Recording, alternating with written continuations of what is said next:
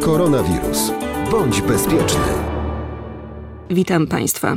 Wolałabym, aby takich tematów w tych dniach nie było, ale rzeczywistość jest jaka jest i dobra z jednej strony, a z drugiej strony pokazuje też kiepską stronę ludzkiej natury. Chcemy przestrzec Państwa teraz przed oszustwami na koronawirusa, które niestety pojawiają się. Na co uważać w sieci? O tym porozmawiam z naczelnikiem Wydziału do Walki z Cyberprzestępczością Komendy Wojewódzkiej Policji w Olsztynie, młodszym inspektorem panem Leszkiem Ruzieckim. Dzień dobry, panie inspektorze.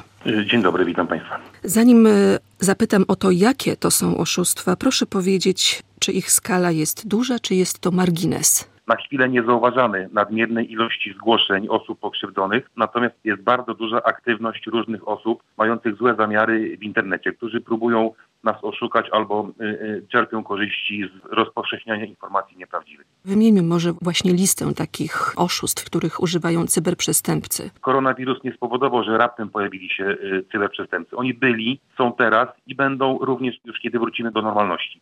Te przestępstwa, które teraz się pojawiają, wykorzystują naszą panikę, nasz strach. I do takich przestępstw możemy zaliczyć informacje o fałszywe oczywiście, o szczepieniach dla wszystkich. Pojawiały się SMS-y, w których e, złodzieje, oszuści informowali, że jest szczepionka dla wszystkich obywateli e, i że trzeba wykonać przelew, żeby dokonać przedpłaty, żeby nie stać w kolejkach i tak dalej, i tak dalej. Oczywiście to miało na celu e, nakierowanie osoby pokrzywdzonej, żeby zalogowała się do fałszywej strony, tak zwanego panelu płatności, wybrała swój bank, podała login, hasło, kod potwierdzający operację, a tak naprawdę polegałoby to na tym, że przestępcy uzyskaliby dostęp do naszego rachunku bankowego i skradliby nam środki te przestępstwa, one były cały czas do tej pory. Tak, to były przestępstwa na przykład związane z dopłatami do przesyłek, które gdzieś tam sobie zamówiliśmy w wysokości jednego złotego i tak naprawdę nie chodziło o wykonanie przelewu, tylko chodziło o to, żeby zalogować się na fałszywą stronę banku. Ta informacja o szczepieniach ukazywała się na fałszywej stronie Ministerstwa Zdrowia?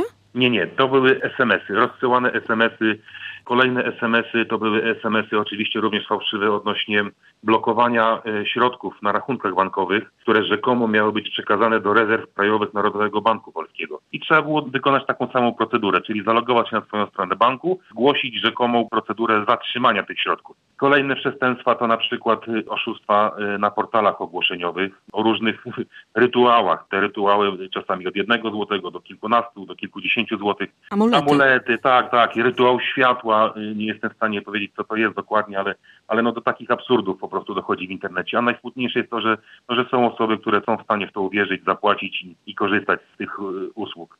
Wspomniała pani redaktor wcześniej o fałszywych stronach Ministerstwa Zdrowia. Tak, rzeczywiście była taka strona. Ta strona jest zablokowana. Te SMS-y oczywiście też są już y, poblokowane, a fałszywa strona przedstawiała fałszywą informację o wsparciu żywnościowym i jaki asortyment, w jakiej ilości należy się każdemu obywatelowi fałszywe ogłoszenia o sprzedaży masek ochronnych, fartuchów. Strony mogą być gdzieś pozakładane na serwerach zagranicznych. Co jeszcze y, ważne, chyba nie wierzyć wszystkiemu, co jest napisane, każdej no, informacji, ja... która się ukazuje w internecie, bo to jest rozprzestrzenianie też nieprawdziwych informacji, czyli właśnie tych fake newsów, na przykład o tak, zamknięciu tak, tak. Warszawy. Generalnie trzeba wyznawać jedną zasadę. Wszystko, co do nas płynie z internetu, powinniśmy traktować to jako informacje, które wymagają na pewno sprawdzenia. Jest cała masa fake newsów na portalach społecznościowych, rozpowszechniana poprzez komunikatory.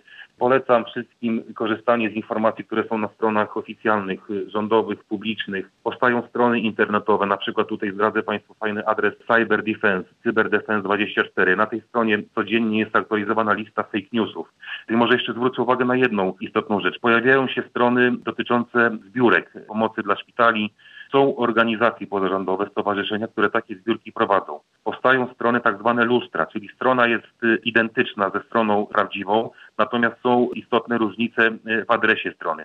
Także warto też weryfikować wszystkie informacje łącznie z adresem y, w pasku adresowym i żeby porównać w internecie, czy ta strona jest prawdziwa, czy fałszywa. Lepiej z pomocą wstrzymać się e, kilka dni, niż na skutek emocji zapłacić jakieś pieniądze i cieszyć się, że się komuś pomogło. Tak naprawdę jest duża szansa, że może się nikomu nie pomóc, a tylko zasili się konto oszustów. Zwrócę uwagę jeszcze na przestępstwa na tak zwanego wnuczka. Mogą się pojawić przestępstwa na wnuczka pod pozorem, że nie wiem, wnuczek jest w szpitalu, potrzebuje pieniądze na leczenie i tak dalej. Dlatego tutaj do osób starszych zwracam e, się z prośbą o zachowanie szczególnej ostrożności i nie reagowanie na tego typu informacje. Zalecam spokój i czytanie, szukanie e, informacji odnośnie rzetelności dopływających do nas informacji w całym internecie. Internet jest zły, ale oczywiście tylko w części, ale internet jest dobry, służy nam pomocą, tylko trzeba na spokojnie korzystać z jego e, dobrodziejstw. Bardzo dziękuję panu. Naszym gościem był naczelnik Wydziału do Walki z Cyberprzestępczością Komendy Wojewódzkiej Policji w Olsztynie, młodszy inspektor Leszek Ruziecki. Dziękuję.